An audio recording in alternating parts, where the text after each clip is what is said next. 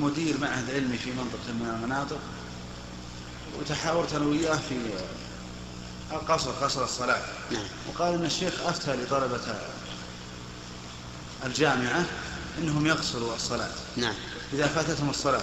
نعم. وهذا الأمر ما يجوز وهو أفتى لهم ما أدري كيف.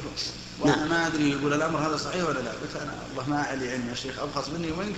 وإذا يكون عندك فتوى اعترض بها على الشيخ. نعم. وهو كان ولده يدرس بالجامعة عندكم. إيه. في الشريعة نعم. يقول لا أنه وحتى نبه ولده قال لا تقصر إيه. أتم الصلاة. طيب.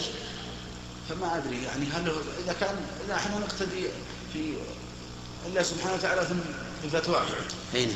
يعني نقصر أم لا نقصر؟ هذه سنة الله نحن أفتينا بها بعد دراسة. وبعد نظر في الأدلة. ونظر في كلام أهل العلم. ووجدنا أن أقرب الأقوال للصواب قول شيخ الإسلام ابن تيمية رحمه الله. أن الرجل ما دام عازبا عن بلده ولم يتخذ البلد الثاني وطنا فهو مسافر. كل من بقي لحاجة متى انتهت رجع فهو مسافر سواء عين المدة أم لم يعين. عرفت؟ هذا الذي نراه. لأن أي تقدير تقدره؟ إن قدرت أربعة أيام قلنا وش دليل؟ إن قدرت شهر قلنا وش دليل؟ إن قدرت سنة قلنا وش دليل؟ ما في دليل يقول مثلا إن المسافر إذا نوى الإقامة في هذا المكان هذه المدة انقطع عنه حكم السفر. ما في دليل. ومن وجد دليلا فليتفضل به. نحن إن شاء الله تعالى آخذون على أنفسنا بأننا إذا تبين لنا الدليل أن نأخذ به. وقولنا ليس قولنا ليس معصوما. نحن نخطئ كما يخطئ غيره. لكن علينا أن نتقي. الله ما استطعنا ولا يكلف الله نفسا إلا وسعها إذا كان هذا الذي بلغ إليه جهد الإنسان فهو معذور عند الله. إن أصاب فله أجران وإن أخطأ فله أجر.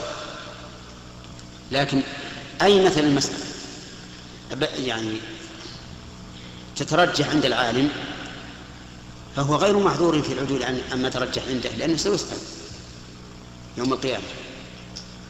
وأي مسألة مثلا يقولها إنسان وفيها دليل خلاف قوله وهو لم يعلم به فهو معذور.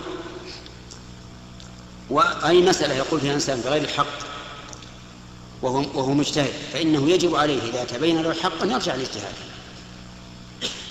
فنحن إذا أتانا إنسان بدليل على أن الإنسان إذا بقي المدة المعينة انقطع عن حكم السفر وصار حكمه حكم المقيم أبدا فعلينا قبوله ومن وجد دليلا أيضا فلي- فليضرب بقولنا عرض الحائط.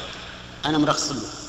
وليس وله بنا أن أعطي الترخيص لكن أقول أنا يجب عليه إذا وجد دليلا يخالف قولي أن يأخذ به حتى المسافة ما وجدنا شيئا معينا. الشيخ الإسلام يقول إن الرسول ما عين لأمته مسافة ولا فيه مساحين. ذاك الوقت يقول هذا كيلو وهذا أكثر وهذا أقل. والعلماء الذين قدروا المسافة مثلا ب- بأذرع أو أكيال أو أميال ما عندهم دليل ثم هم قدروها رحمهم الله قدروها بالذراع والشبر والأصبع وشعرة البرذون الحصان طيب معناه إنه لا صار أنا هنا وصاحب اللي بين اللي بيني وبينه ذراع يكون هذا هذا مسافر وأنا غير مسافر من من يقولها؟ من يقولها؟ فأقرب الأقوال إنه يرجع فيها إلى ما جرى ما سماه الناس سفرا. وشد الرحال له. هذا سفر. وما ليس كذلك فليس بسفر.